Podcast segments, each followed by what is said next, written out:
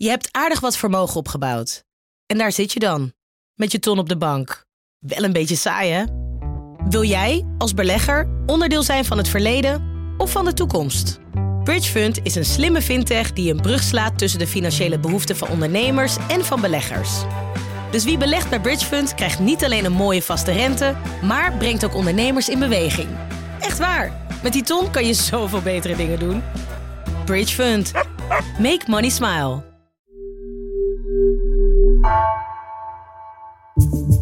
Vanaf de redactie van NRC het verhaal van vandaag. Mijn naam is Egbert Kalsen.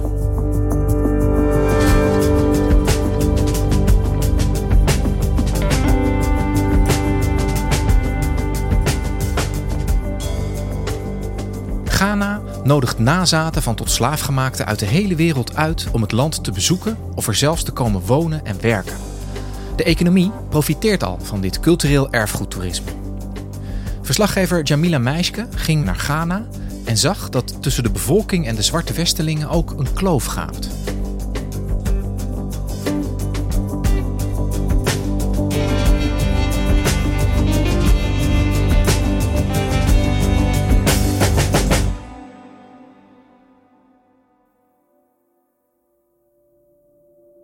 Ik was vorige week in Ghana. Ik was mee op reis met twee vrouwen, Sabrina Stark en Irene Adjumine Hin. Zij zijn allebei op een andere manier afstammeling van uh, slavernij. Goedemorgen. Hoe is het? Goed. Ik pak even mijn tas. Oh ja, dank je. Is waar. Zij waren een reis aan het maken op zoek naar hun roots. Sabrina is uh, in het dagelijks leven een uh, zangeres. En is van Afro-Surinaamse afkomst en heeft dus voorouders ergens in West-Afrika. Dat Afrikaanse perspectief is nu wat er heel erg ontbreekt in de kennis die er nu is over het koloniaal verleden. En het teruggaan, ja, dat moet iedereen uit de diaspora doen. En Irene is geboren in Ghana, is op tweejarige leeftijd naar Nederland gekomen. Uh, en is dus eigenlijk onderdeel van de achterblijvers. Dus de, degene waarvan families uit elkaar zijn gerukt. Uiteindelijk is die hele familie soort van verspreid. In Amerika zitten een aantal uh, familieleden in Europa. En dan op het continent zelf. En voor Irene was het een, een, zoektocht naar haar eigen familie, die dus wel weet dat haar familie daar vandaan komt. Maar ook vanwege het kolonialisme zijn daar nog heel veel uh, zaken uh, waar niet over gesproken wordt. Dus zij wilde eigenlijk daar meer over weten. Ja, het draagt zo bij. Het draagt bij aan de heling, aan de kennis, je eigen educatie, maar ook je culturele identiteit. En uh, toen hebben wij eigenlijk dezelfde route afgelegd als dat de slaafgemaakten tijdens het koloniale tijdperk deden. Zij moesten eh, soms maandenlang lopen vanuit uh, het binnenland van Ghana, omdat zij uh, uiteindelijk verkocht werden. En de gids Kofi Ameni die vertelde dat iedereen eigenlijk op blote voeten dat pad afliep, omdat de slaafgemaakten en de voorouders dat ook deden. En uh, uit respect daarvoor. En ook om meer contact te kunnen maken met de aarde. It was the path developed by the feet of our ancestors. I normally walk on this path with my shoes off. You have to connect with them. Let them feel your presence and have conversations with them. En als ze dan die maandenlange tocht te voet geketend hadden gelopen, dan kwamen ze aan bij een rivier waar ze hun laatste bad kregen. We are at the, the Slave River, uh, the last bad. Dat was een kokende rivier. En daar uh, werden ze dan opgepoetst omdat ze er nogal gehavend uitzagen van die tocht. En van daaruit kwamen ze dan aan bij de slavenmarkt, waar de Europese handelaren aan het wachten waren om uh, ze te inspecteren en te kopen. En toen we bij de slavenmarkt waren, toen werden we dus ontvangen door een gids en hij was heel spiritueel. Hij noemde zichzelf ook het orakel. En hij zei tegen Irene en Sabrina: Jullie komst hield de pijn in jullie hele voorouderlijke lijn. Omdat zij nooit hadden gedacht dat zij ooit terug konden keren toen zij op het schip werden gezet. And your coming home, you've given closure to over millions of your ancestors who never thought they would see you again. You have given them closure today. You have given closure to all people in Africa today. You have given them closure.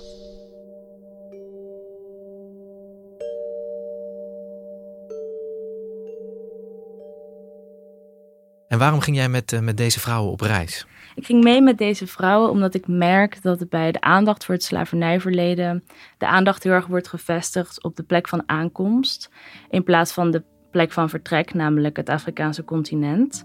En daarnaast is het een belangrijk verhaal um, voor de nazaten, omdat zij uh, eigenlijk niet weten waar hun voorouders vandaan komen. En zo'n hereniging met het continent is een heling daarvoor. Dus die nazaten die trekken eigenlijk massaal naar Ghana. In uh, eh, 2019 waren dit er 1,1 miljoen mensen die het land bezochten. En dat leverde iets heel interessants op, want die massale aandacht voor zo'n land, die doet natuurlijk ook iets met de lokale bevolking. En het blijkt dat de lokale bevolking daar uh, vaak een ander gevoel bij heeft dan die diaspora, die een heel romantisch beeld soms heeft van Ghana. Waarom trekken mensen als Sabrina en Irene uh, naar dat land toe? Wat is er op dit moment zo interessant voor hen daaraan? Ja, ik denk dat het een push- en een pull-factor heeft. Um, dus de, de push vanuit de diaspora is ook wel dat zij zich in westerse landen niet altijd uh, even geaccepteerd voelen. Dus dat er natuurlijk discriminatie is en dat zij benieuwd zijn hoe het is om naar een land te gaan waar ze niet in een minderheid zijn, maar waar iedereen op jou lijkt. Um, en daarnaast komt dat heel erg door beleid. Dus uh, al vanaf de eerste president van Ghana, Kwame Nkrumah, die uh, is sinds de onafhankelijkheid van het land in 1957 al bezig om deze banden aan te halen met het Westen. We must therefore face the issue of African unity now. For only unity will make the artificial boundaries and regional demarcations imposed by colonialism obsolete. En de laatste grote campagne was in uh, 2019. Dat jaar had de president uitgeroepen tot the year of return, dus het jaar van de terugkeer. We intend to use the symbolism of this year of return to bring together Africans, persons of African descent, and all well wishers and lovers of freedom, to strengthen the commitment to ensuring the blots on our history en daar hebben diaspora massaal op geantwoord. En, en wat zit daarachter, denk je? Waarom is de president hier zo mee bezig? Waarom wil Afrika die, die functie hebben, zeg maar, voor mensen in de diaspora? Ja, voor de eerste president Kwame Nkrumah was het belangrijk omdat hij alle mensen van Afrikaanse afkomst wilde verenigen om ervoor te zorgen dat de belangen beter werden behartigd. En um, op dit moment is het ook een economische factor. Dus de, ja, die zwarte westerlingen, want het zijn natuurlijk nog steeds westerlingen, die brengen ook wel geld en kennis mee. Wat belangrijk is voor Ghana, waar een enorme brain drain is. Ja. En waar mensen die een goede opleiding willen, toch vaak in het buitenland gaan studeren en dan daar blijven hangen. En Sabrina en Irene die zijn dus op die uitnodiging ingegaan hè, van die Ghanese president. Hoe, hoe, hoe ziet dat erfgoedtoerisme, als ik dat zo mag noemen, er nou precies uit? Ik bedoel, waar namen ze jou mee naartoe? We hebben heel veel gezien, uh, omdat Irene natuurlijk uh, familie heeft daar. Dus we werden um, meegenomen naar het slavenfort Elmina. En we stonden eerst op een binnenplaats en toen liepen we naar het museum, een voormalige protestantse kerk die is gebouwd door de Nederlanders. En dat was een hele rare gewaarwording, want ja, die mensen waren daar dan aan het bidden. En onder de kerk waren de slavenkerkers, waar de slaafgemaakten maandenlang uh, vastgeketend zaten totdat ze dus die oversteek konden maken. If these walls have mouth to speak, they would have spoken better than any other guide works over here. Why? They saw the tears, the pains, their cries, but their voices were heard by no one. En um, op een gegeven moment kwamen we aan bij de Door of No Return. Dat was een hele lage deur, heel klein. En de gids die daar sprak, die legde ook uit dat was ook echt om de uh, tot slaaf gemaakte klein te houden en dat hij moest bukken. After spending about two or three months in the dungeons, it added to the weight loss. And that made it possible for each captive to fit through this door. Weet je, als je, naar, als je naar buiten kijkt, dus via die door of no return, het lijkt net alsof het niet echt is. Het lijkt net een soort schilderij en dan met die boten op de achtergrond. Maar het blijft niet bij toerisme, want de president heeft inmiddels een tweede deel van de campagne uitgeroepen, namelijk Beyond the Return, dus na de terugkeer. En dat is heel erg gericht op uh, vestiging en investering. Daarbij probeert hij het ook makkelijker te maken om een werkvergunning aan te vragen of een verblijfsvergunning. Dus hij probeert ook echt dat economische stukje probeert hij heel erg aan te halen. Hoe wordt er in het land zelf door de bevolking aangekeken tegen deze instroom van, van toeristen en misschien ook wel gewoon nieuwe buren? Ja, ik denk dat je verschillende groepen nieuwkomers hebt, zeg maar. Dus omdat Irene daar geboren is, gingen Irene en Sabrina met heel veel kennis en respect voor het land daarheen, heel geïnformeerd. Maar dat is niet voor iedereen zo, want ik heb wel begrepen van uh, Ghanese die ik daar sprak, dat ze sommige uh, diaspora ook denigerend konden vinden. Vooral de zwarte Amerikanen, um, omdat ze nou, om even te generaliseren, um, wat meer ruimte in kunnen nemen bijvoorbeeld en wat luider kunnen zijn. En de Ghanese zijn over het algemeen heel relaxed en die zeggen overal please achter. Ook al zeggen ze oké, dan is het oké please of yes please. Eigenlijk heel erg geïnternaliseerde beleefdheid, denk ik. En de diaspora komt daar met het idee dat ze recht hebben op allerlei dingen, omdat ze af, afstammen van die regio. Maar de Ghanese die denken, ja wacht even, wij wonen hier al. En zij hebben een hele andere dagelijkse ervaring, omdat het ook ontzettend slecht gaat met de economie op dit moment. En ze zien de diaspora ook wel um, voornamelijk, vaak, niet iedereen, als mensen die geld binnenbrengen. Dus het is een beetje ongemakkelijk dat het voor de diaspora dus een heel erg emotioneel en helend proces is. Um, en aan de andere kant voor de Ghanese bevolking meer een, een economisch argument heeft. En die kloof die zie je ook op andere punten. Dus wat vanuit de president bedoeld is eigenlijk als een hereniging van de diaspora en de, en de Ghanese bevolking in zijn land, dat leidt ook tot een uitvergroting van die verschillen, als ik jou goed begrijp. Heb je daar meer voorbeelden van gezien? Ja, um, die kloof zie je ook in de omgang met het slavernijverleden. Ik sprak ook met universitair docent Emmanuel Akwesi Adu Ampong. En hij legde mij uit dat in Ghana natuurlijk um, de hele samenleving uh, slachtoffer is geweest van dat slavernijverleden. En dat in westerse landen het gaat om een minderheid die daarmee worstelt. People live in it's a majority, yeah, majority group country. So yeah. We are all sort of in the same boat. Yeah. So then it's our shared history. There is no one trying to yeah, make that less or give it less of a place within the national narrative. Toen Ghana onafhankelijk werd, toen lieten de Britten, die dus na de Nederlanders kwamen, um, uh, lieten een heel erg verdeeld land achter. En de president zag dat als een enorme dreiging eigenlijk voor de stabiliteit van het land. Dus die heeft er op verschillende manieren voor gezorgd dat het veel meer uh, gemixt werd. Dus je hebt allerlei verschillende bevolkingsgroepen. En een van uh, de ma maatregelen waren dat je eigenlijk door het hele land op een middelbare school kan worden geplaatst. Niet alleen in je eigen stad of je eigen wijk zelfs. Waar je ziet dat in Nederland uh, op wijkniveau heel erg wordt gesegregeerd. En dat je witte scholen hebt en zwarte scholen. Nou, dat wilde hij dus dus voorkomen. En daardoor leerden die kinderen dus ook op jonge leeftijd al met verschillende groepen omgaan. En daardoor um, is er een gedeelde geschiedenis ontstaan in plaats van een roep vanuit een bepaalde kant van de samenleving. Levert dat nou ook een andere houding op van de Ghanese bevolking tegenover dat slavernijverleden ten opzichte van mensen uit de diaspora? Ja, dat denk ik wel. Want Bijvoorbeeld de Ashanti zijn een bevolkingsgroep in Ghana die um, een heel machtig koninkrijk hadden. De volkeren die zij onderdrukten of die, die zij, uh, waartegen zij vochten en het wonnen, maakten zij eigenlijk tot slaaf. En die verhandelden ze dan met de Europese kolonisator. Maar ja, dus die Ashanti die vindt het heel belangrijk om echt ja, te herenigen in plaats van tegenover elkaar te staan. En in Nederland uh, zijn we er toch altijd best wel krampachtig mee omgegaan. Um, en uh, ja, heeft het vele decennia aan activisten gekost om tot de excuses te komen van Rutte en de koning die we de afgelopen tijd hebben gezien. Maar in Ghana ja, um, hebben ze dat eigenlijk al heel vroeg erkend.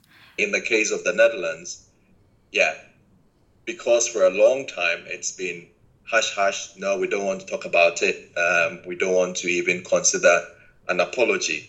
Then you have all this, yeah, long-term built tension and frustration uh, from the descendants. En daar zie je dat in 1992 de traditionele leiders van Ghana al excuses hebben aangeboden voor de bijdrage die zij in de slavenhandel hebben gedaan. Dus um, ja, die, die docent Adu Ampong die zegt ook dat dat essentieel is om het een plek te kunnen geven. Because then people feel like yeah you you are aware you acknowledge that um, rather than that nothing is said about it and people then feel the frustration of their lived experience not being acknowledged. Yeah.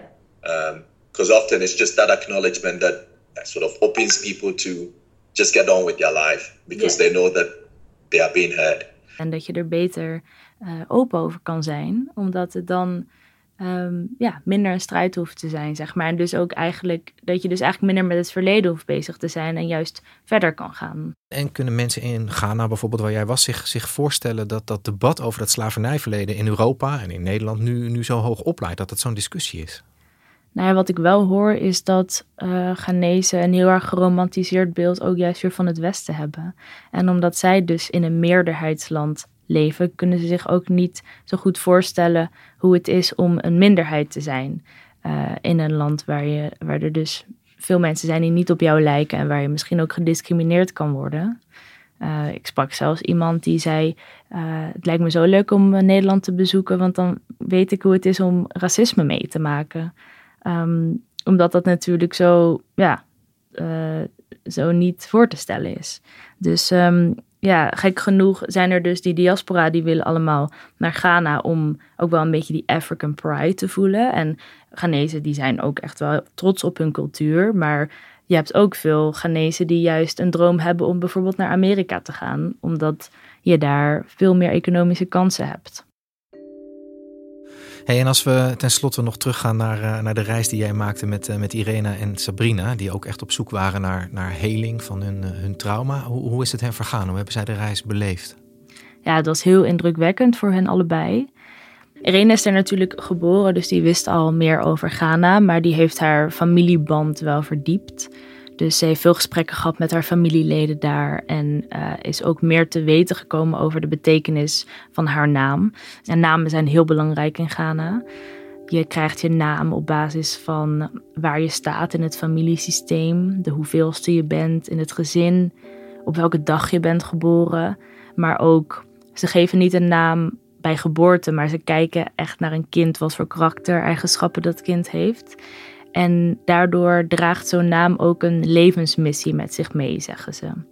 En ze wist al dat het betekende zij die haar land opnieuw opeist, maar er is een diepere laag aan toegevoegd, namelijk dat het echt een bevrijder is of een redder. Het heeft me echt een soort vrede in mijn hart gegeven van dat ik deze naam mee heb gekregen, dat mensen hier zorg, zorgvuldig over hebben nagedacht dat zij dat geloof in mij hadden, al, als klein ukkie van, uh, van een paar dagen, om dit voor mij te wensen. Ja, dat is onbeschrijfelijk. Dat is echt onbeschrijfelijk. En voor Sabrina was het natuurlijk anders. Zij was er nog nooit geweest. Dus het was echt een kennismaking.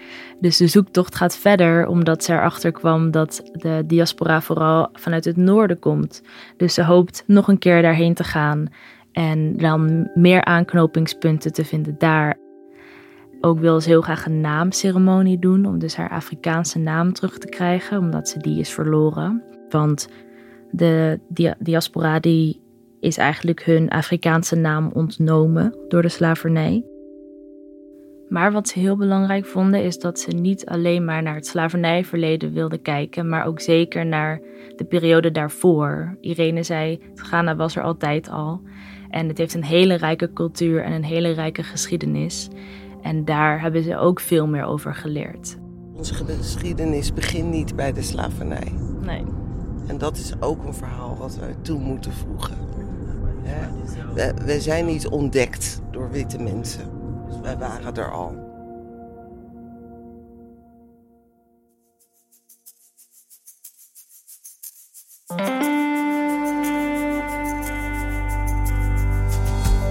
Je luisterde naar vandaag, een podcast van NRC. Eén verhaal, elke dag. Deze aflevering werd gemaakt door Esme Dirks en Ruben Pest. Coördinatie Nina van Hattem. Dit was vandaag, morgen weer.